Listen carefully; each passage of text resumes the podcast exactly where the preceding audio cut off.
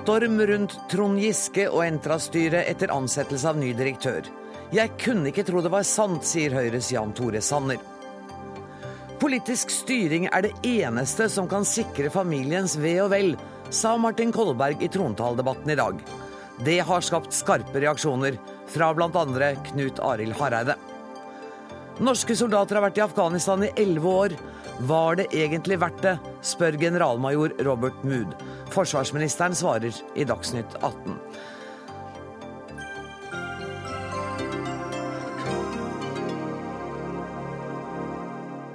Dette er hovedsakene denne fredagen, der vi også spør hva slags toppidrettsutøvere vil vi ha?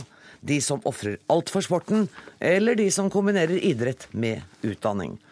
Men først. Opposisjonen reagerer med vantro på omstendighetene rundt ansettelsen av Trond Giskes gode venn Rune Olsø som ny administrerende direktør i Entra. Det statlige eiendomsselskapet har i flere år, stikk i strid med Aps lønnsmoderasjonspolitikk, vært lønnsledende. Og ikke nok med det. Statsråd Giskes gode venn Trond Olsø skal ha blitt tildelt den overbetalte lederjobben ved et kupp i styret.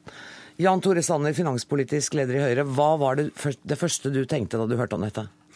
Jeg eh, trodde ikke det var sant, det jeg hørte. Eh, og det er flere forhold i denne saken. Det ene er jo det du er inne på med, med lønnsnivået. Eh, at staten skal være lønnsledende, det er helt uakseptabelt. Vi har sett de private selskapene har et langt lavere lønnsnivå. Eh, og vi kan ikke ha en situasjon hvor staten blir lønnsledende. Det er det ene. Det andre er prosessen som ledet frem til at han ble ansatt. Eh, hvor det nærmest har vært et kupp i styret fordi det, det, sto ikke på styrets dagsorden å behandle ansettelse av ny Entra-sjef. Men det var fire eh, styremedlemmer, hvorav noen av dem har nær tilknytning til Arbeiderpartiet, som trumfet igjennom beslutningen eh, til protester fra både styreleder og nestleder. Det betyr at du har hatt en svært uheldig prosess som skaper et inntrykk av at dette er en partiansettelse med en milliongevinst. Er det grunn til å kritisere Trond Giske for dette? Det gjenstår å se. Altså, Trond Giske sørget jo for å melde seg eh, inhabil, i hvert fall delvis inhabil. Men han har vært veldig sen i forhold til å få en settestatsråd. For det er klart, den situasjonen som er nå, så burde settestatsråden vært på plass. Ja, for det, det stusset jeg også over. fordi at anmodningen om en habilitetsvurdering ble sendt til Justisdepartementets lovavdeling i april. Allerede 17.8 gikk det et brev fra departementet til Entras eh, styre om at han var inhabil når det gjaldt akkurat denne type saker. Eh, og så blir det ikke settestatsråd før 12.10. Ja, og det kan skape et inntrykk av at eh, Giske håpet at, dette skulle, eh, ikke skulle bli oppdaget, den uheldige prosessen som har vært. Nå håper jeg at settestatsråden rydder opp, og det settestatsråden bør gjøre, det er innkalle til en ekstraordinær generalforsamling og sørge for at det blir ryddet opp. Eh, og det er mitt råd til den nye settestatsråden, det er at eh, man stopper ansettelsesprosessen, og eventuelt foretar utskiftninger i styret hvis det er nødvendig, både for å få kontroll med lederlønningene og for å få en, en prosess som man kan ha tillit til i, i Entra. Eh, bare for at uh, lyttere og seere skal være med oss. altså Næringsminister Trond Giske er inhabil og kan derfor ikke kommentere saken. Settestatsråd er ikke utnevnt, og vi vet ikke hvem det blir om en ukes tid. Statsminister Stoltenberg har avslått vår invitasjon til å komme til Dagsnytt 18, og det samme har statsråd Carl Eirik Skjøtt Pedersen. Men eh, du har sagt ja til å komme, Terje Lien Aasland, leder av næringskomiteen på Stortinget og representant for Arbeiderpartiet. Du har flere ganger selv manet til moderasjon på lederlønningsnivået, seinest her i Dagsnytt 18 i sommer. Hva syns du om det som har skjedd i Entra? Aller først I forhold til det med lederlønn, så syns jeg det er veldig viktig at vi er tydelige på at lederlønnsutviklinga eh, trenger å underlegges moderasjonsbegrepet. Derfor har også regjeringa gjennom to omganger, først i 2006 og så i 2011, vært veldig tydelig på at eh, lederlønnsutviklinga i de statlige selskapene må være underlagt moderasjon og ikke være lønnsledende. Syns du dere har lykkes med det? Det har vært utvilsomt sånn at eh, lederlønnsutviklinga i noen statlige selskaper har vært uheldige. Det har også blitt påpekt, og det har en eh, prosesser i forhold til. Hva betyr det, prosesser i forhold til? Hva betyr Nei, det? altså Det har jo vært eh, diskutert i kontroll- og konstitusjonskomiteen bl.a.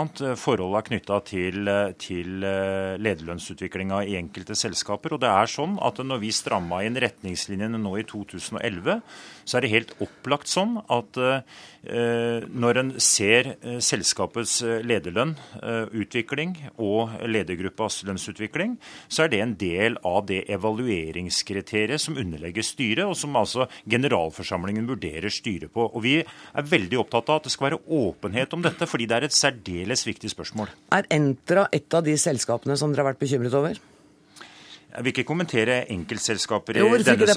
Er. Vi snakker om. Det er ingen tvil om at Entras lønnsutvikling de siste åra har vært uh, særdeles uh, god. Derfor har vi også sett nå resultatene av det som regjeringa faktisk har vedtatt om lederlønnsutvikling og moderasjon. Det vi i hvert fall er kjent med gjennom media, det er at nå styret er i en prosess hvor en forhandler ned lønn til administrerende direktør i Entra, og det er veldig bra. Terje Linn Aasland, det har også vært eh, kritisert måten denne ansettelsen var gjort på, ved at eh, det punktet ikke sto på dagsorden på det styremøtet den 26.9, men at styremedlemmer meldte det inn under merknader til dagsorden. Hva tenker du om det? Nei, nå, er jo Problemet at vi må forholde oss til det som har stått i media. og Det som er realiteten i saken, det er jo at Olsø har vært eh, eh, viseadministrerende direktør i Entra i flere år. Han ble av et enstemmig styre, etter det jeg forstår, konstituert som administrerende direktør når den forrige gikk av. Eh, Og så var det et styremøte i eh, august, som det er opplyst gjennom media, som en starta den prosessen. Og at en da eh, gjorde det vedtaket i eh, september. Det jeg forholder meg til i denne sammenhengen, det er at det er styret som har kompetansen, og som skal ansette eh, ledere, eh, og skal også ha ansvaret for lønna i forhold til ledergruppa i selskapene. Knut Arild Hareide, leder i Kristelig Folkeparti. eh, Hva tenker du om det du hører nå? Ja, jeg opplever et Arbeiderparti som rygger. I går så tok jeg denne saken opp med parlamentarisk leder i Arbeiderpartiet, Helga Pedersen. Hun sa da at det er et uakseptabelt lønnsnivå i Entra.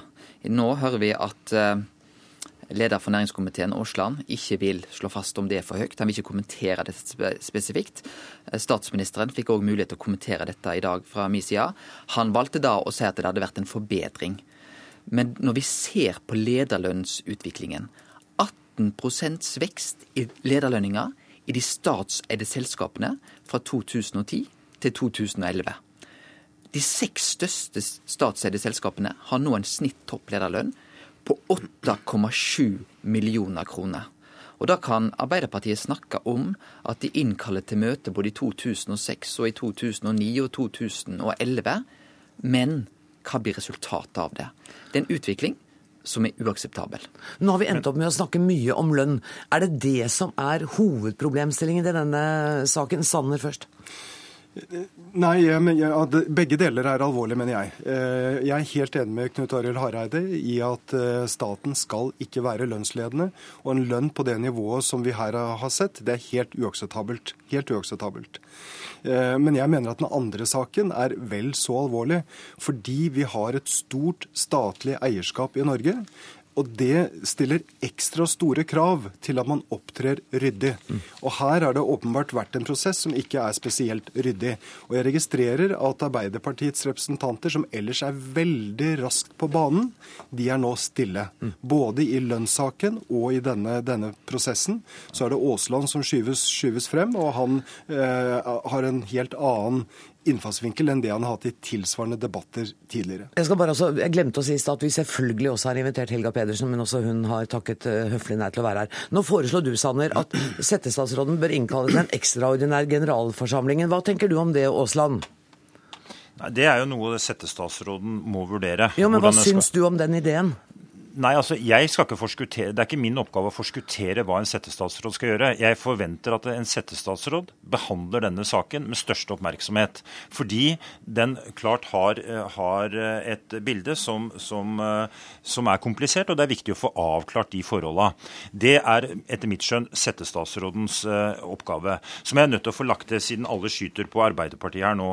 For det første så er jeg veldig glad for at Jan Tore Sanner nå er så klargjørende når det gjelder Høyres inngang til lederlønn. Når vi behandla eierskapsmeldinga altså, eh, som ble lagt fram i 2011, så var ikke Høyre av samme klare tydelighet som det Sanner nå gir uttrykk for. Så der sier jeg det er veldig bra at Høyre også nå er tydelig på det. Fordi jeg tror at vi alle er tjent med å være veldig fokusert på at lederlønnsutviklinga i de statlige selskapene er avgjørende for lønnsdannelsen i Norge. Ja, Jeg de... hører at du sier det, men det virker jo ikke som det skjer noen ting. For det virker jo ikke som de statlige selskapene hører på hva dere sier. Jo, men nå har vi stramma inn altså senest i 2011. Veldig ja, men... klart og tydelig. Og nå er vi i 2012, og lederlønningene i staten er altså fortsatt, ifølge de som sitter i studio her, altfor høye. Jo, men vi må styre selskapene sånn som vi skal styre selskapene. Og det betyr at når vi nå skal gjennom nye generalforsamlinger i de selskapene, så er det helt klart at lønnsbildet i ledergruppa er en del av det evalueringsgrunnlaget. Og de styrene som ikke klarer å innfri i forhold til at de ikke skal være lønnsledende, eller at en skal eh, også innta en moderasjonsholdning her, det er de styrene må etter min mening skiftes ut. Og det går jeg ut ifra at statsråden kommer til å påse. Snakk, og vi snakker om en mulig utskiftning av styret i Entra her nå? Vi snakker om en mulig utskifting av styremedlemmer og styrer som ikke leverer på et så viktig område som lederlønnsproblematikken er. Harald. Ja, og det mener jeg det er helt naturlig. Og det har tatt for lang tid fra regjeringen har sagt ting, til de har grepet til handling. Og handling er å skifte ut styret. Og nå er det jo sånn at situasjonen i Entra er å tilspisse seg. Det er et delt styre. Eh, og jeg har lyst til å si at denne saken ser ikke god ut. Vi skal òg vite hvem som er styreleder her. Det er en meget erfaren kvinne. Siri Hatlen, en av Norges dyktigste ledere. Mest erfaring innenfor styrearbeid. Og når hun har gått til regjeringa og sagt nå må de gjøre et valg mellom flertallet i styret eller mindretallet, mindretallet som står både av styreleder og nestleder, så viser jo dette alvor i saken. Og Derfor så er òg saken på regjeringens bord. Men det er ikke tilfellet, det er tilfelle det Hareide nå sier. Det vil jeg tilbakevise. Hatlen har i dag til Dagens Næringsliv sagt at hun ikke er kjent med at noen har stilt ultimatum i denne saken. Okay, det er det ene. sånn at vi må, vi, må, vi må, på en måte la de faktiske forholdene få lov til å prege debatten, ja, og ikke okay. spille politisk på det, som nå Hareide også forsøker ja, å gjøre. Hvis Sanner, ikke eierskapsmeldinga, vær så snill. Nei, jeg skal ikke snakke om eierskapsmeldingen. Eh, bare, bare være helt tydelig på at vi hele tiden har, har, sagt at staten skal ikke være lønnsledende. Mm. Det er man nå i denne, denne saken. Ellers så må jeg jo si til Aasland at eh, når det blir et tema, så er jo det også fordi at så mange aktører er tause. Mm. Eh, statsråden er taus, statsministeren er taus, styrelederen er, er, er, taus. Og det er klart at da bygger man på eh, det som siver frem i, i pressen. Og det, og det som har kommet frem, ser alvorlig ut. Bl.a. fordi at de som presset frem beslutningen i styret, har nær tilknytning til Arbeiderpartiet. Og den nye sjefen er nylig avgått leder av Trondheim Arbeiderparti og nær venn av Trond Giske. Dette er en del av et nettverk, og det ser ikke bra ut. Da må jeg si takk til dere alle sammen. Vi skal prøve å fortsette opprydningen i dette, men jeg må si takk til eh, Terje Aasland, til Jan Tore Sanner og til Knut Arild Hareide. For inn i studio kommer kommentatorene Magnus Takvam og Per Valebrokk. Magnus Takvam, du er politisk kommentator her i NRK. Hjelp meg å rydde opp litt. Hva, hva dreier denne saken seg egentlig om? Er det bare lønn? Altså Det mest betente her er jo at vi har et styre i et stort statlig heleid aksjeselskap som eh, ikke kan fungere sammen. Altså at det har oppstått en situasjon der du har eh, et flertall og et mindretall, ikke bare i forhold til eh, ansettelsessaken som har vært høyt oppe nå, men så vidt jeg forstår også i forhold til en, del, en god del andre saker. Og det kan man ikke leve med i lengden. Den skal vi si, splittelsen i styret kan man ikke fortsette med, for da vil slik, eh, slik situasjonen er, styreleder osv., i gjentatte saker komme i mindretall i sitt eget styre. Så det er eh, det mest akutte eh, som da en settestatsråd etter neste fredag må rydde opp i. Og da vil det være aktuelt at deler av styret, eller hele styret, går? Ja, Hvordan de løser det, det må du ikke spørre meg om. Men altså, det eh, mindretallet i styret har signalisert, man kan kalle det ultimatum, eller altså, hva, hva, slags begreper man bruker, er, er, ikke det viktigste. Men man har pekt på at i eh, mange saker, i strategisk valg osv. Av, av hva som skal skje videre i selskapet, så kan ikke mindretallet styre styreleder leve med at de blir overkjørt av et flertall eh, gjentatte ganger. Det må eier eh, forholde seg til. Så kan man tenke seg at OK, dere er voksne mennesker, dere må sette dere ned og bli enige og få dette til å fungere. Det er én måte. Den andre måten er å skifte ut hele styret, deler av styret. Men dette er en utrolig krevende eh, sak å få i fanget, selvfølgelig, for en settestatsråd. Hvor alvorlig er det at, at ansettelsen av ny administrerende direktør skjer på et styremøte der det ikke engang står på dagsorden? Ja, som i alle vanskelige saker så er det uenighet om virkelighetsbeskrivelsen. Hvis vi skal gå inn på detaljnivå her, Ikke så, så veldig, men så er det slik at det var et møte, styremøte i august eh, som, eh, der det var meningen å forsøke å ansette der, der nei, direktøransettelse var på kartet. Så ble man ikke enige på det møtet, for mindretallet da fikk ikke gjennom forslaget på sin kandidat. De hadde en annen kandidat. Og saken ble utsatt. Og da hevder flertallet at det var meningen å ta det opp på møtet i september. Eh, det er man uenige om. slik at eh, mindretallet sier noe annet enn flertallet her. sånn at der er virkelighetsbeskrivelsen ulik. Men det er et faktum at eh, det faktisk ikke sto på dagsorden, men, eh, men eh, mindretallet hevder at det da heller ikke var meningen, for å si det sånn. Per Valebrokk, redaktør i E24. Hvordan vil du karakterisere ansettelsen av Rune Olsø? Nei, Den er jo veldig spesiell. Jeg kan aldri huske å ha hørt om en lignende situasjon. På hvilken måte da? Nei, Det spesielle her er jo at det er styrets leder som er mot ansettelsen av selskapets eh, konsernsjef. Jeg kan, aldri, jeg kan ikke huske at noe sånt har skjedd tidligere. Det er jo normalt styrets leder som skal lede ansettelsen av en ny eh, daglig leder av virksomheten. Og når da Rune Olsø blir ansatt eh, til tross for innvendinger fra styrets leder og styrets nestleder og et annet aksjonærvalgt eh, styremedlem, så er det jo eh, mildt sagt oppsiktsvekkende. Og jeg mener den håndteringen eh, av ansettelsen av en ny leder i Entra er langt mer alvorlig enn lønnen den nye Entra-sjefen har. Selv om den er alvorlig nok for Arbeiderpartiet, selvsagt. Men er det styret som skal kritiseres, eller er det næringsministeren, eller er det begge to? Nei, Det er vanskelig å si hvem, hvor man skal plassere skylden. Eh, dette er jo en suppe. Eh, men til syvende og sist så er jo ansvaret hos eieren, eh, som generalforsamlingen ved Trond Giske, som har ansvaret for å opprette et styre. Han har tillit til fatter de rette beslutningene for Entra. Hvordan vil du karakterisere Trond Giske som eier i denne situasjonen? Igjen vanskelig å vurdere hans situasjon eh, basert på denne situasjonen. Han eh, fikk jo eh, Siri Hatlen inn som styreleder eh, i, eh, i, april. Eh, dette er Ansettelsen av ny konsernsjef er den første store, eller det er den viktigste oppgaven til Siri Hatlen til nå. Det har jo gått dårlig, men det tror jeg er vanskelig man kan klandre Siri Hatlen for. Og sannsynligvis heller ikke Trond Giske. Det at han nå har innsatt en settestatsråd, eller bedt om eh, en settestatsråd, er jo det eneste riktige. Mm. Takk han. Jeg kan jo bare mm, observere her at hvis man er konspiratorisk og tenker at Trond Giske har skal vi si, installert de styremedlemmene som, som skal vi si, skulle, burde ansette hans venn, så har han gjort en dårlig jobb. Fordi eh, tre av de fem eieroppnevnte styremedlemmene er jo uenig i denne ansettelsen. sånn at eh, jeg tror ikke verden er fullt så enkel som at Trond Giske har trukket i trådene for å få sin kompis ansatt. Eh, andre, det andre hensynet staten som eier må ta i slike saker, er jo selvfølgelig at eh, de må heller ikke blande seg opp i selve ansettelsen, for det er ifølge aksjeloven styrets ansvar. Sånn at eh, Dermed så ville en for aktiv involvering av, eh, av eh, eier i forkant i forhold til selve ansettelsen også være problematisk. Ja, nettopp. Mm. Ja, der er jeg helt enig. Det, det ville vært uhørt hvis Trond Giske i forkant av ansettelsen eh, mente noe om denne saken. Når ansettelsen har gått så galt, så er regjeringen ved settestatsråd nødt til å gjøre noe.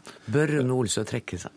Ja, han bør jo det. Og hvis han ikke gjør det, så er jeg ganske trygg på at uh, det velges et styre i Entra som sørger for at han går. For den, den, situasjonen som er i Entra nå, er umulig å leve med. Han kommer ikke til å fortsette som Entras administrerende direktør? Nei, han kommer ikke til å være Entras direktør i veldig lang tid fremover. Tusen takk for at dere kom, Per Valebrokk og Magnus Takvam. Behandlingen av denne saken har ført til at lederen av Stortingets kontroll- og konstitusjonskomité, Fremskrittspartiets Anders Anundsen, nå vil foreslå at komiteen sender et brev til statsråd Trond Giske for å få svar på spørsmål om arbeidet med ansettelsen. Når vil du ta opp dette i komiteen? Det tar jeg opp allerede til tirsdag. Da har vi et ordinært eh, komitémøte. Så jeg vil spille inn dette brevet da, dagen i forveien. Du skriver et brev som du da ber komiteen gi sin tilslutning til? Ja. Og så diskuterer vi innholdet i brevet, og kanskje det blir endringer. Og kanskje får jeg ikke tilstrekkelig flertall for å sende det heller, men jeg håper det. For dette, veldig, dette har utvikla seg til å bli en veldig spesiell sak. Og grunnen til at det er viktig for kontroll- og konstitusjonskomiteen å følge dette opp, er jo at vi i to anledninger tidligere har vært veldig tydelige på dette med lederlønninger. Vi har hatt en egen kontrollhøring knytta til dette også. Og komiteen har enstemmig slått fast det Stortinget har slått fast flere ganger, nemlig at uh, lønninger i statlige bedrifter skal være konkurransedyktige, men ikke lønnsledende. Og i fjor så laget vi en enstemmig innstilling hvor det bl.a. sto at, måtte, at, regjeringen måtte påse at dette nå ble fulgt opp. Så dette er et av punktene du vil ta opp i brevet? Jeg prøver nå å få vite hva du har tenkt å skrive i det brevet. ja, det er et av de punktene som er viktig å ta opp. Og så er det også sånn at uh, næringsministeren har et uh, ansvar selvfølgelig for at de som sitter i et selskapsstyre og som oppnevnt av, eh, av eh, Giske i denne saken som generalforsamling, er kompetente til å gjøre den jobben de skal gjøre. Og den prosessen som vi nå ser i media, forutsatt at det er riktig selvfølgelig, den er ikke veldig tillitsvekkende. Mm. Nei, og det har ikke vært lett å få informasjoner ut fra, uh, fra regjeringsholdet i dag, uh, kan jeg fortelle deg. Men uh, Martin Kolberg, hjertelig velkommen hit. kommer du til å støtte Anundsens forslag om at det sendes et brev til statsråden, og at han besvarer disse spørsmålene? Ja, er svaret på det. Mm. Det er ikke noe grunn til å motsette seg at det blir sendt et slikt brev. Eh, det er som Anundsen sier, at vi skal diskutere innholdet i det. Men jeg tror egentlig ikke heller at det blir noe stor uenighet om det. Jeg tror de problemstillingene er ganske åpenbare. Det handler om det som Anundsen sier nå, nemlig lønnsforholdene, som jeg vil karakterisere som eh, Jeg vil bruke Helga Pedersens uttrykk, det er uakseptable. Eh, på mange måter. Det er altfor høy lønn, både der og noen andre steder. Og Det har vi påpekt flere ganger uten at vi kommer skikkelig gjennom på det. Og det er disse forholdene som knytter seg til styrets håndtering av denne aktuelle saken i Entra. Slik at eh, det eh, mener jeg er helt kurant. Da slår vi fast at det er flertall for å sende et brev. Etter det vi har hørt nå både fra Høyre, Kristelig Folkeparti og fra Arbeiderpartiet, så får du flertall. Det høres veldig bra ut. Ja. Men det er også viktig for å gi den saken den tyngden den bør ha og gi statsråden mulighet til å svare komiteen på årsaken til at vi ser det vi nå ser utspille seg. Men bare for at jeg, jeg lurer på, er, er, det da, er, det da, Trond Giske som skal svare på det, eller er det en settestatsråd? Hvordan er dette? Det er, det, der, der, tror jeg at vi får, får, lov til å få en liten uh, tenkepause, både vi og uh, regjeringen, for å si det slik. Fordi altså, Trond Giske er jo inhabil i uh, forholdet til, til direktøren. Det er det jo ingen tvil om. Det er han erklært, og det har han sagt selv. og den saken saken er klar. Og Dette er jo en sak som også handler om det. slik at eh, Hvordan det skal være, det får vi nå se på. Men formelt er det jo slik at eh, statsråd Giske ikke er, er inhabil i forhold til håndteringen av Entra som selskap. Eh, slik at eh, jeg sier, at vi, jeg sier ikke at vi ikke skal henvende oss til Giske, men jeg sier at det kanskje er slik at vi skal bare ha en liten tenkepause på akkurat hvordan vi skal håndtere det. Men realiteten i det er jo at regjeringen som sådan vil få denne henvendelsen fra komiteen. Utgangspunktet er jo at Giske ikke har vært inhabil før nå. og Det betyr at han er ansvarlig for det som har skjedd inntil nå. Og vi, Jeg har ikke noen intensjon om å stille spørsmål knyttet til selve valget av ny administrerende direktør. Det er prosessene her som er det viktige. Nettopp. Og derfor, tror jeg ikke vi kan, derfor mener i hvert fall jeg at Giske ikke er inhabil til å svare på disse. Han, hans habilitet ble vel avklart fra Lovavdelingen i Justisdepartementet allerede i april, og brevet ble sendt til eh, Entra 17.8. Sånn at det er, ikke, det er ikke skjedd i dag at eh, han er blitt inhabil. Nei, og Det er jo en veldig spesiell situasjon at vi nå opplever at vi i realiteten ikke har eierstyring i Entra fordi det ikke er eh, fastsatt eh, settestatsråd. Det kan kanskje Martin vært svare på, hva grunnen er til det? At vi ikke har Nei, altså Grunnen til det er at man har ikke vært i en situasjon hvor dette har vært en aktuell problemstilling. Og, og statsråden, eh, slik som jeg kjenner det, han har ikke hatt noen kunnskap om eh, disse omstendighetene som vi nå diskuterer, fordi han har vært helt nøye med å holde seg på lang avstand fra alle spørsmålene knyttet til ansettelsen av ny direktør i Men Da er det altså noen andre som ikke har gjort jobben sin, som gjør at vi nå sitter uten statlig eierstyring av Entra. Jeg vil ikke, jeg vil ikke øh, gå nærmere inn på det, men det er iallfall helt klart at det, Giske har holdt en veldig tydelig avstand. Men øh, jeg har behov for å si en ting som jeg hørte i innslaget før oss her. Ja. Og det er Jan Tore Sanner som sier at dette også er et utslag av at Arbeiderpartiet bygger et nettverk, og at dette er en form for kameraderi. Det vil jeg ta veldig eh, tung avstand fra. Okay. Det, er, ja, men det, er, det er veldig viktig å få sagt det, for jeg syns at det, det, det er ikke grunnlag for å hevde. Eh, Fordi at det er riktig. Onsø han har vært direktør i selskapet i mange, mange eh, Ikke direktør, men nestkommanderende. Og I mange, mange år. Og han ble enstemmig konstituert som direktør. eh, Og har åpenbart vært kvalifisert til å være i ledelsen i systemet i mange år. Ja. Og, ja, men Poenget er å si at det er jo ikke sånn at dette er utslag av noen form for kameraderi internt i Det norske Arbeiderparti. Dette har vært et rent og ordentlig håndtert hele veien igjennom, sånn sett. Kolberg, det Og- forstår vi nå. Ja, men det, det er jo viktig å få sagt det, Ja, fordi du- at det ble ikke motsagt på noe sett og vis og av har- noen i det forrige innslaget. Og det, jeg har lyst til å gå litt videre. Litt hypotetisk. Hva om eh, kontroll- og konstitusjonskomiteen ikke skulle være tilfreds med svarene fra statsråden, enten det er Trond Giske eller en settestatsråd? Ja, Da er vi inne på hypoteser, men Ja. Hvis vi ikke er tilfreds med det, så er det naturlig at vi da åpner sak. Eh, Det er på en måte steg nummer to, og da blir det åpen kontrollhøring. Men det er altfor tidlig å konkludere med at det skal skje. Og det er altfor tidlig å konkludere med at dette er eller ikke er et utslag av en arbeiderpartikultur osv. Men jeg syns vi skal løfte diskusjonen litt høyere enn det og si at eh, det viktigste nå er at vi får de svarene på bordet som komiteen ønsker, sånn at vi kan få rydda ut eventuelle uklarheter. Og der plassere tror jeg du og Martin Kolberg er helt enige. Rydde bort uklarheter, det er dere enige om. Det er vi enige om, Ja. men jeg er ikke enig om denne konstante eh, forsøket på å si eh, ankomme med angrep på Arbeiderpartiet indirekte. Det er for tidlig å si om det ikke er kameraderi, sier han. Det er en måte å argumentere på som jeg ikke syns er helt eh, politisk hederlig, og jeg markerer at det ikke er riktig. Men det tror jeg vi kan leve godt med begge to. Tusen takk for at dere kom, Anders eh, Anundsen og Martin Kolberg. Hør Dagsnytt 18 når du vil, på nettradio eller som podkast. nrk.no – dagsnytt 18.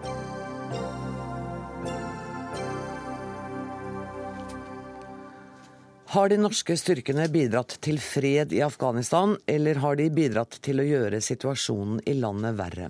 Var innsatsen verdt det? Det spør du om, eh, Robert Mood, i en kronikk i Aftenposten i dag. Hva er svaret ditt? Var det verdt det? Svaret mitt er at det er lov å tvile om hvor vi er om fem til ti år. Samtidig som vi kan slå fast veldig klart at eh, Taliban er borte, Afghanistan er ikke et fristed for terrorisme, og den afghanske hæren er trent opp til det nivået de bør være på.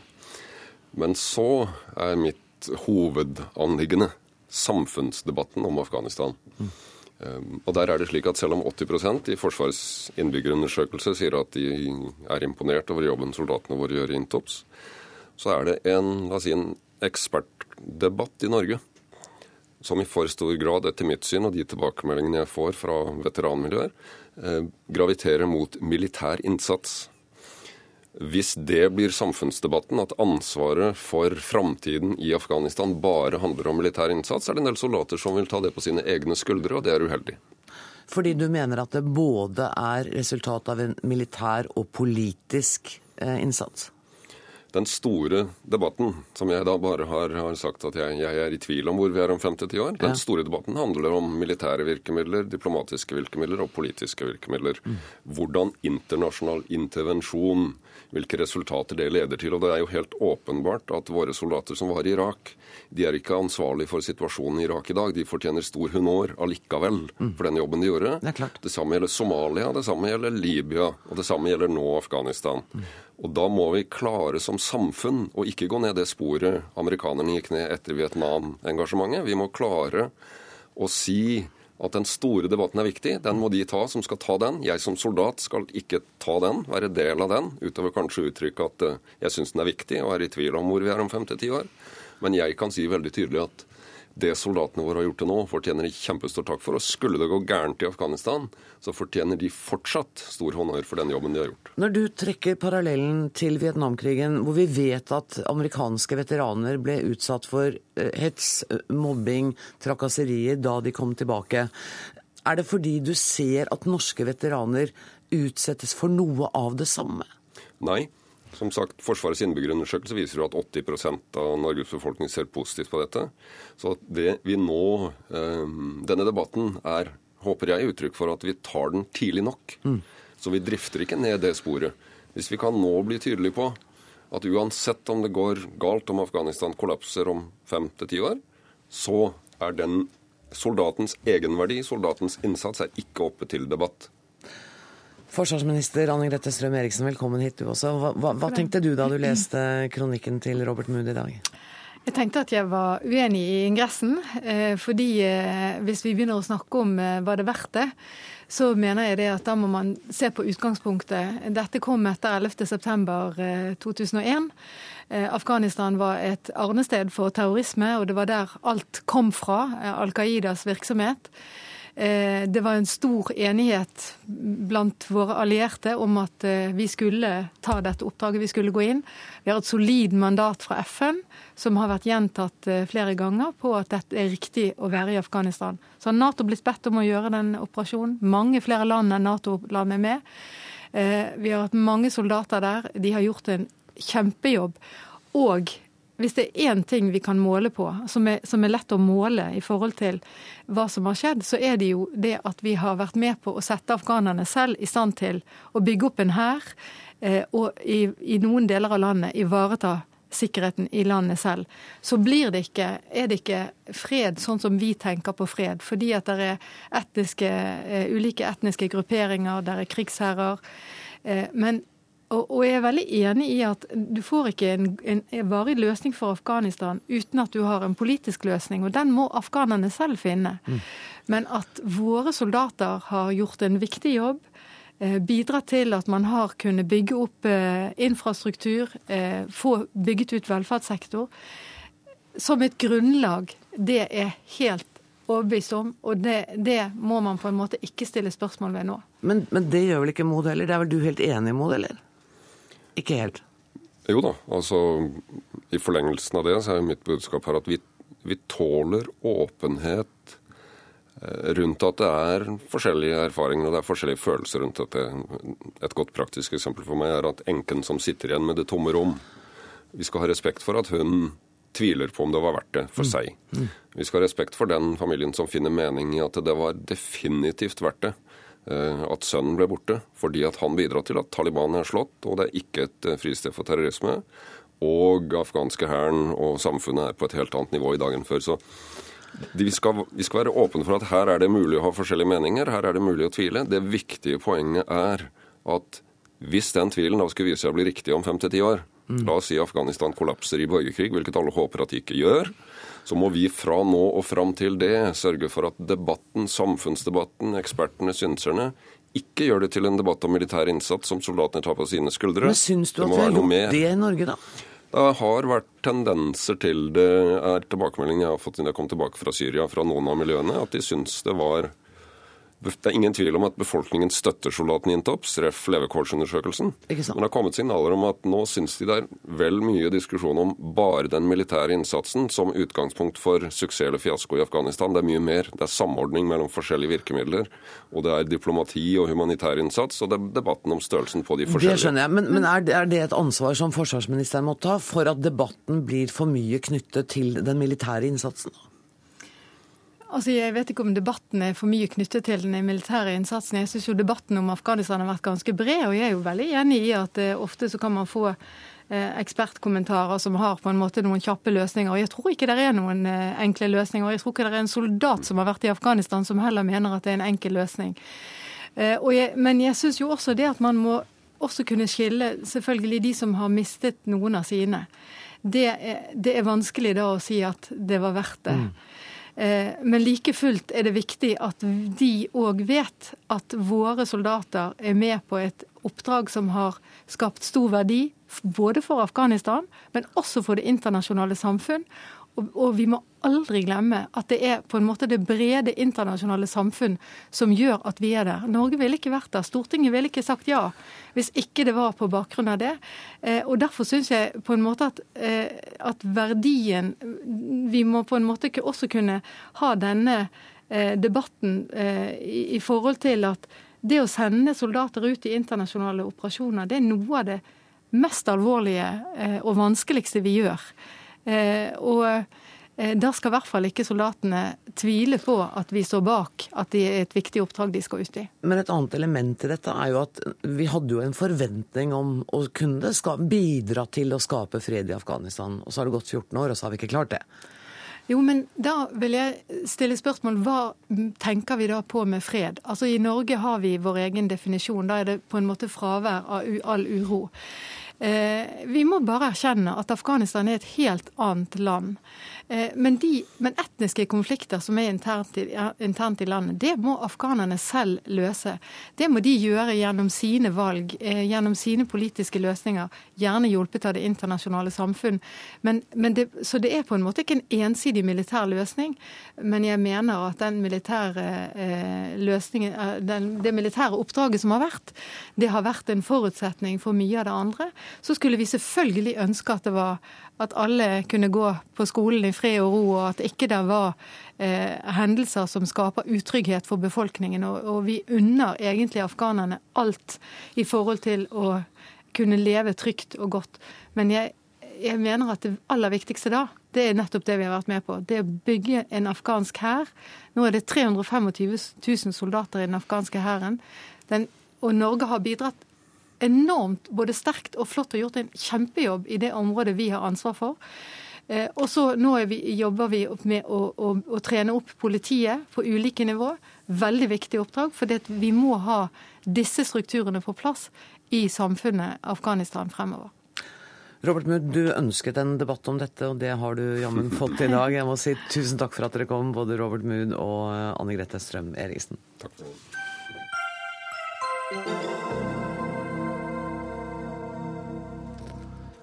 Vi er tilhengere av resirkulasjon her i Dagsnytt 18. Derfor kommer nå tilbake Martin Kolberg og Knut Arild Hareide. Men nå skal det jammen dreie seg om familiepolitikk, mine herrer. Markedet kommer aldri til å ta vare på familiens ve og vel. Det er det bare politisk styring som kan klare, sa du Martin Kolberg under dagens trontaldebatt. Uttalelsen har hissa på seg flere opposisjonspolitikere som mener at du med dette systemet setter, at du setter systemet foran familien. Og da jeg, da jeg hørte deg sa det, så tenkte jeg det er litt sånn 70-tall over dette her. Ja, Syns du det? Ja, det syns jeg. Ja, men det, det var veldig mye bra som skjedde på 70-tallet. ja, men det var det. For Ja, da, faktisk var det da vi startet frigjøringen av kvinnene, som har betydd så veldig mye for familieutviklingen. Eh, og eh, jeg syns ikke det er noen grunn til å hisse seg opp som du hører. Jeg har faktisk ikke merka noe til det, den opphisselsen. Oh, ja. Nei, men eh, Du er ikke på Twitter da, skjønner jeg? Eh, Nei, ikke Nei. sånn direkte. Ikke hele tiden iallfall, for det har jeg ikke tid til. Men det som er å si om det, er at jeg setter jo ikke familien foran systemene. Nei, omvendt. Du setter ikke systemet foran familien. Nei, Nei. eh, men fordi at familien er jo en helt sentral del av den norske samfunnskulturen, har alltid vært. Og vi har jo faktisk bygd opp samfunnet for at familien skulle få det bra. Det begynte vi med før den andre verdenskrig, for ikke snakke om etter den andre verdenskrig. Var det noe som Einar Gerhardsen virkelig satte i fokus, var jo familien. Han var jo familiemann på uh, sin hals, for å si det slik. Men politisk styrt? Ja, men det som er viktigst for familien, hva er det? Jo, det er at man har arbeid. Det er det viktigste. Hvis ikke familien har tilgang på arbeid, og nå stort sett både, både, både kvinnen og mannen, så har man ikke økonomisk grunnlag for den sosiale tryggheten. Og de, hele vår økonomiske politikk, som jo er politisk styrt og ikke markedsstyrt, tar jo sikte på nemlig å opprettholde en høy sysselsetting og en høy kvinnesysselsetting. Som er en forutsetning for familiens ve og vel og sosiale trygghet. Mm. Og så kan vi begynne med alle selvfølgelig reformene, barnehageutbyggingen, foreldrepermisjonen, alle disse tingene som gjør familiens hverdag lettere. Og Det er derfor jeg sier at jeg har meget god dekning for å si at det politisk, politisk styrte systemet som tar vare på familien, er det som fungerer. Hvis markedet skulle gjøre det, så ville markedet trenge en fortjeneste på alle disse punktene, og man ville komme i en mye større utrygghet. Du har bare ikke skjønt det da, Knut Arild Hareide? Jeg er iallfall enig med Martin Kolberg på ett punkt, og det er at det skjedde mye positivt på 70-tallet. Jeg ble født på 70-tallet, og takker familien for eh, det. Når Martin Kolberg taler på Stortingets talerstol, så er det litt høytid. Han er en av de store ideologene i Arbeiderpartiet. Og han holdt et godt innlegg i dag. Men så var det de i replikkvekslingen. Han ble utfordra av Øyvind Håbrekke fra KrF, vår familiepolitiske ideolog. Og da syns jeg på ett punkt så gjorde Martin Kolberg det bra. Fordi at han sa at familien er en del av fellesskapstenkningen til Arbeiderpartiet. Mm. Men så bruker han på en måte det er jo ikke alltid at Martin Kolberg uttaler seg om familiepolitiske spørsmål. Jeg opplever litt han var på familiepolitisk talsmann på prøve eh, under replikkvekslingen i dag. For det går fullstendig galt når han sier at bare politisk styring kan ivareta familiens ve og vel. Og da minner dette meg om når statsminister Jens Stoltenberg sa følgende i 2005. Vi må få kontantstøtten bort. Fordi vi kan ikke prioritere de familiene som velger feil. Det er der det blir galt. Det er jo familiene som må få lov til å velge. Og hva er på en måte grunnlaget for vårt velferdssamfunn? Ja, jeg mener jo sånn, Det er ikke sånn at familien hviler på velferdssamfunnet. Nei, det er nettopp velferdssamfunnet som hviler på familiene. Det er familien som er grunncella i samfunnet. Det er der vi har lært å leve sammen. Og jeg vil jo si for meg er det litt rart at ikke Arbeiderpartiet og Sosialdemokratene har sett familien tydeligere og bedre. Ikke ett ord om familien i trontalen. Det er jo nettopp familien som er en skole i solidaritet. Det er jo nettopp i familien vi lærer å bry oss om hverandre eh, og, og gjøre ting for hverandre. Og Derfor så, så, opplever jeg at det blir en sånn systemtenkning når vi tenker at det skal være politisk styring. Ta et eksempel. I dag kommer da Arbeiderpartiet og regjeringa med en lekkasje som sier at vi ønsker å få foreldrepermisjon, pappapermisjon, utvidelse. Jeg syns det er bra. Samtidig så legger Arbeiderpartiet opp til en politikk der papparollen blir mindre og mindre viktig. Noen av de vedtakene som Arbeiderpartiets eh, stortingsgruppe har gjort i løpet av de siste månedene, åpne for eh, kunstig befruktning for enslige, f.eks. Vi kan da, ikke gå der. Vi kan nei, ikke nei, gå der. Men, men, det er bare et eksempel på at papparollen blir mindre betydning. Og du er med på å forandre hvordan du definerer familie, blant annet. Du, ordet familie ikke er brukt én gang i trontalen. Det er jo øh, symptomatisk kanskje da, Martin Kolberg? Nei, Eh, jeg syns ikke det. Og jeg, jeg, er nesten ikke uenig i noe av det som blir sagt eh, her nå. Ja. Å nei? Nei, fordi at det er ikke grunn til. Eh, nei, fordi men da at, tror jeg bare sier tusen takk snart. Ja, ja nesten. Fordi at jeg syns ikke det er grunn til å lage en uenighet som ikke fins. For det første så er jo, må vi også si selvfølgelig at samfunnet har jo forandret seg veldig gjennom de siste åra. Og så hvis jeg ikke tar helt feil, så er omtrent halvparten av husstandene er jo også nå enslige. Slik at strukturen i samfunnet har forandret seg, og det må vi vi ha respekt for. Men familien betyr mye. Men familiens frihet som grunnelement i samfunnet har sosialdemokratiet alltid hatt i høysetet. Slik at det som Hareide sier her, syns jeg er litt galt i så måte. Men når jeg sier det jeg sier, så er det ikke for å sette systemet foran familien. Nei. De spiller de, Det er et samspill, det. Var det kanskje bare litt klønete formulert Nei, der det da? var, det var ikke klønete. Det var mer godt formulert. Ja, ok. Ja, ja, fordi at Bare te- tenk deg et system hvor vi skulle, som vi har i mange land, hvor markedet bestyr mye mer. F.eks. For i forhold til barnas skolegang. Hvor de skal betale på skolen. Du må eh, passe på at barna dine kommer på den beste skolen. Da må du ha mer penger enn du kan sende barna dine på en annen skole. Bare tenk deg om du skulle leve i et sånt samfunn. Hvilken utrygghet skaper ikke det for, for familien? Eller helsestell for barna. Er Dette er helt fundamentale ting. Og jeg mener at norsk sosialdemokrati, norsk Arbeiderparti, virkelig har satt både familien og det enkelte menneskets ve og vel i sentrum. Og den siste regjeringsperioden Ja. er i så måte en gullalder. Og da må Hareide få svar på det. Ja, altså, Det jeg opplever som en hovedforskjell på Arbeiderpartiet og KrF på dette, det er at familien er et mål i seg sjøl for KrF.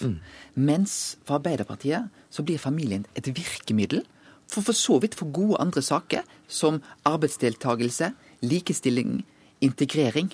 Og for å oppsummere da, i én setning, så sier KrF at for oss så er foreldrene Vi kan erstatte de på jobb, men i heimen, i familien, der er de uerstattelige. Det var så langt vi rakk denne debatten. Fortsett gjerne mens dere sitter ved siden av hverandre i stortingssalen og snakke om dette. Men tusen takk for at dere kom til Dagsnytt 18 denne fredagen, Martin Kolberg og Knut Arild Hareide.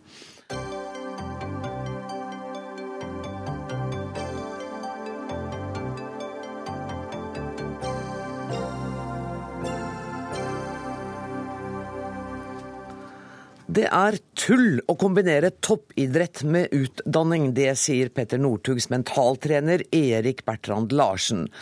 Han mener at hvis du gjør som alle andre, så blir du som alle andre, og at toppidrettsutøvere trenger å hvile mellom to-tre harde treningsøkter om dagen.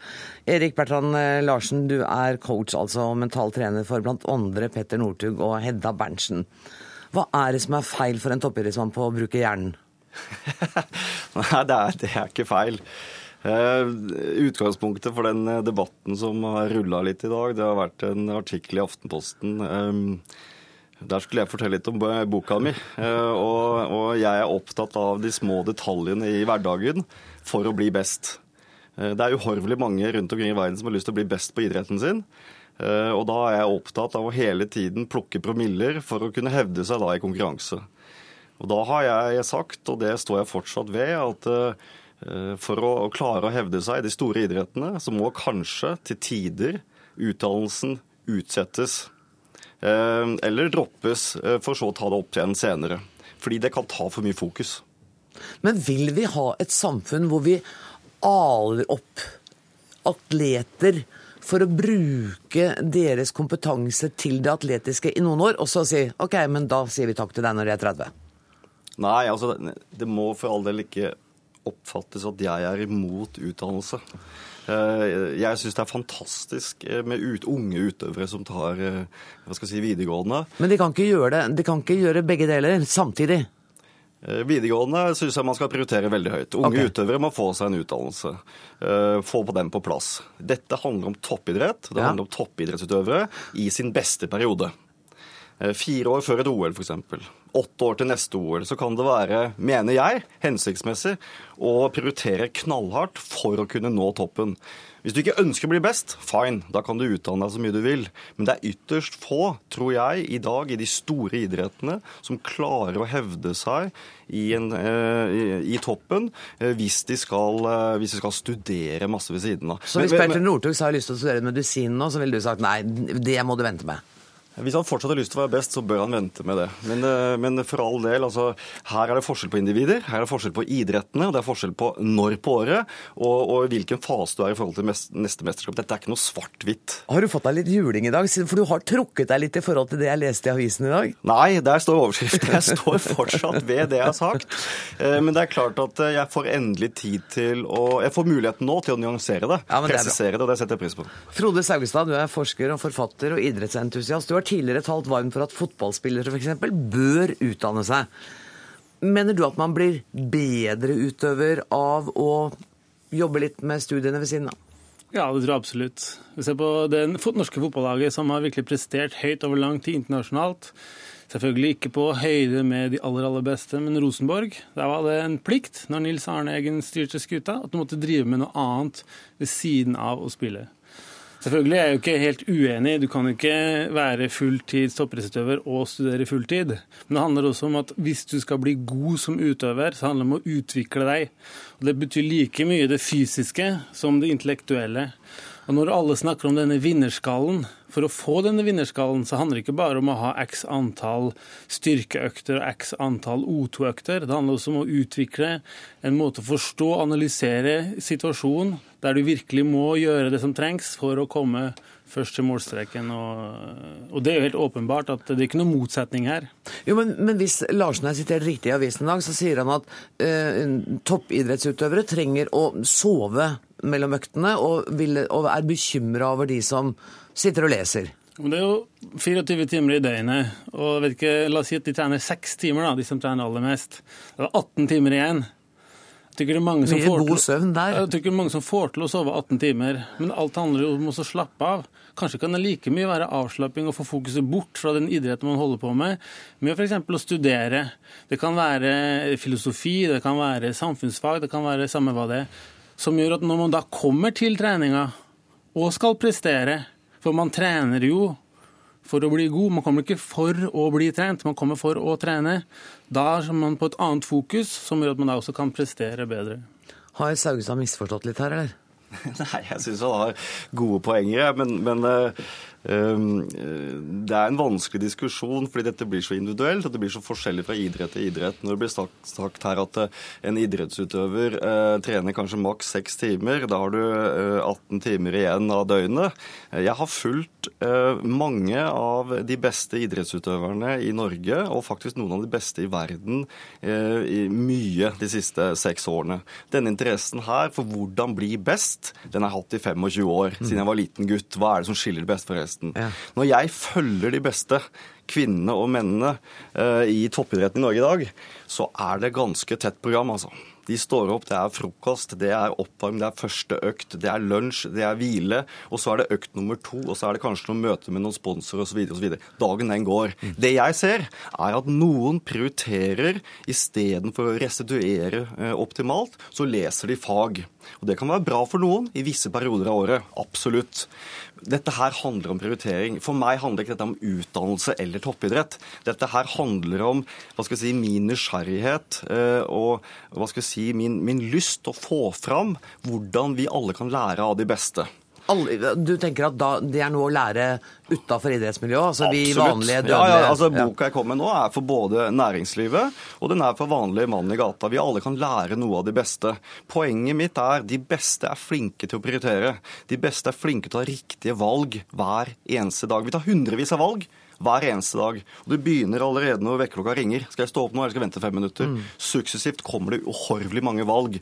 De utøverne som evner å ta mange av de riktige valgene, gjerne å utvikle hodet. Jeg er mentaltrener, så for all del. Jeg er pro at man skal utvikle hodet. Men det må ikke bli slik at studiene i seg selv går utover toppidrettskarrieren. Det er det jeg ser. Saugestad, kan du være enig i det at studiene må ikke gå utover toppidrettskarrieren hvis du virkelig satser som toppidrettsutøver? Ja, men da er du jo student, ikke toppidrettsutøver. Men en annen ting som er viktig hvis man ser på de virkelig store idrettsnasjonene, da. F.eks. England og, og USA. USA og England så er det veldig tett forbundet med å studere med uh, idretten. Og så kan man se da, De som liker Tiger Woods eller ikke, da, han har tross alt gjennomført tre år på Stanford. Mm. Michelle Wie, det nye stjerneskuddet i golfen for noen år siden, hun gikk tilbake hun og begynte å studere. Pete Sampras, Michael Jordan, mm. til og med Michael Phelps etter OL i 2004 gikk til Michigan man må ikke tro at det ikke er noen sammenheng mellom at er man smart i huet, så presterer man også bra. For hvis man ser på norske fotballspillere i dag, de har en gjennomsnittlig si, sosial intelligens på nivå med en barneskoleelev. For de spiller bare fotball og spiller dataspill. Derfor er de heller ikke bedre. Det var en kraftig sluttsalve fra deg. Jeg tror ikke vi skal kommentere den sosiale intelligensen i norske fotballspillere. Jeg skal bare si tusen takk for at dere kom, Erik Bertrand Larsen og Frode Saugstad.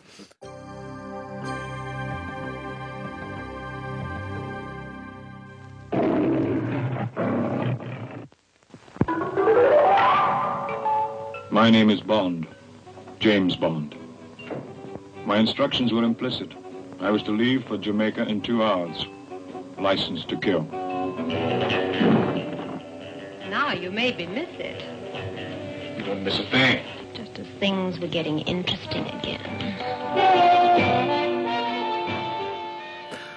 Morten Steingremsen, hjertelig velkommen til Dagsnytt 18. Um, Du er filmskribent. Hva var det vi hørte her? Dette er ikke en quiz, men jeg regner med at du veit svaret. Ja, det er lydklipp fra den aller første James Bond-filmen, 1962.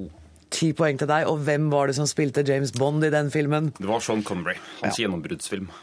Og det er altså 50 år siden. Det er helt utrolig å, å tenke på at det er så lenge siden han sin, bestilte sin første Dry Martini i og filmen het Dr. Nove, som du sa. Seks forskjellige skuespillere har tolket uh, James Bond. Hvem er best? Jeg tenker jo først og fremst at alle de forskjellige har sine helt egne kvaliteter. Da, og jeg tror ikke du kunne skifta ut dem med de forskjellige tiårene. Men, men det er klart Veldig diplomatisk ja, svart men det der. det er klart at jeg har jo én favoritt, det må jeg innrømme. Inntil 2006 så var favoritten min Roger Moore. Men så, i 2006, så har Casino Royal premiere. Og allerede i løpet av de første minuttene så ble jeg overbevist om at Daniel Craig er den beste James Bond noensinne. Åh. Og hvem er det som er James Bond nå? Daniel Craig, som Det er spiller i fort- Skyfall. Og det er fortsatt han som skal være det i en periode. Ja, i hvert fall to filmer til. Hvem er den minst vellykka? Han som spilte én, het han Det var? George Lazenby, australier. Det var hans første film noensinne. Han hadde aldri spilt i film tidligere. Um, Men for en bra film, da! ja, det er abs absolutt. Det er en av de aller beste Bond-filmene. Og til og med med en uh, norsk Bond-kvinne, Julie Ege. Så en liten norsk link der. Ja. Men hva, hva var det han gjorde som var så gærent? Jeg syns han var ganske barsk. Ja, for George Lazenby en altså, Til å være en spillefilmdebut så var det en veldig god, uh, god debut. Men hvis du sammenligner han med Daniel Craig eller ikke minst Sean Connery, så blekner han litt. da. Og i og med at han ikke var så veldig god skuespiller og ikke hadde noe erfaring, så, så synes det i noen scener. da. Jeg har ofte lurt på hvem eh, målgruppa til eh, James Bond-filmene er. ikke sant? Jeg tenker jeg, Og det er oss kvinner som skal se denne fantastiske, helt uoppnåelige mannen. Og så er det faktisk flest mannfolk som jeg kjenner som er entusiaster. Hvorfor det? Ja, jeg Kan tror- det være de lettkledde damene? Ja, både òg. Men jeg tror egentlig at det som er spesielt med Bond-filmen, er at de appellerer til både menn og kvinner, jenter og gutter. Eh, appellerer til publikum verden over. Eh, så jeg tror at Bond-film appellerer noe til alle, da. Eh, men det er klart at kjernegruppen er nok menn, da. Og det tror jeg har mye å gjøre med at altså det er vel litt sånn elementer i filmene som menn er veldig opptatt av. Altså kjøretøy, mye teknikk, mye det tekniske etc. Så, men det er jo mye pent å se på, på for kvinnene òg, da. Det er det. Men du, er det er det, det tekniske, actionpregede som um, du forventer skal være noe nytt? Er det det som er forventningen for hver ny film? Ja, det også, men det jeg alltid er veldig spent på hver gang det kommer en ny Bond-film, er hva er det som er plottet? Eh, Hva er det som er skurkens plan? Det som har vært veldig interessant med alle Bond-filmene helt fra starten av, er at eh, de har alltid vært veldig samtidsaktuelle, veldig samtidsrelevante og handlet om temaer og tematikk som er veldig aktuelt. Altså, 1960-tallets Bond-filmer handlet jo gjerne om Bond som kjemper mot russerne, for var det bad guys, men i dag så er fiendebildet annerledes, og nå er det terrorister. Da. Så jeg er egentlig mer, mer interessert i tema, tematikken i filmene. da. Mm. Eh, og det er dette er jo en, Han har jo levd i 50 år på lerretet. Mm. Det er jo en utrolig slitesterk karakter, altså. Lever Til de grader. lever han om ti år, òg, tror du? Absolutt. Eh, Og allerede nå så planlegges jo den neste Bond-film, nummer 24, som skal komme i 2014. Oh, ja. og, og dette er jo en megastor industri. Altså alle, Bare de to seneste Bond-filmene har spilt inn 1200 millioner dollar bare på kino. Den neste Bond-filmen den har premiere nå i slutten av oktober. 26. oktober. I dag er det nøyaktig 20 dager igjen. Ja. Hvorfor er jeg ikke overrasket over at du vet det? Så du kan vel timetall òg? Ja da, det er ikke mange. Det er vel eh, nøyaktig 20 timer. Du, hvor, har du billett allerede, eller hvordan Ja, ja, ja selvfølgelig. Til eh, den norske festpremieren, som er eh, onsdag den 24. oktober. Og da ryktes til og med at noen av skuespillerne kommer, men det er ikke helt bekrefta. Er det en temafest hvor du kommer til å gå utkledd som James Bond? Absolutt. På med smoking og med Du tuller? Nei, nei. Kan du ta med deg noen? Eh, Jeg er klar, jeg. Ja. Kan ta meg noen. Du, det var utrolig gøy at du kom. Jeg skulle ønske du kunne komme tilbake og fortelle hvordan det var på den festen, for jeg skjønner jo at jeg kommer ikke til å bli invitert dit. Um, Morten Steingrimsen, du er altså fan av Bond-filmer og dessuten filmskribent. Du får æren av å avslutte fredagsutgaven av Dagsnytt 18. Jeg skal bare fortelle at ansvarlig for sendinga i dag har vært Dag Dørum. Det tekniske ansvaret har Frode Thorshaug. Jeg heter Anne Grosvold og sitter på plass igjen mandag klokka 18. Takk for nå.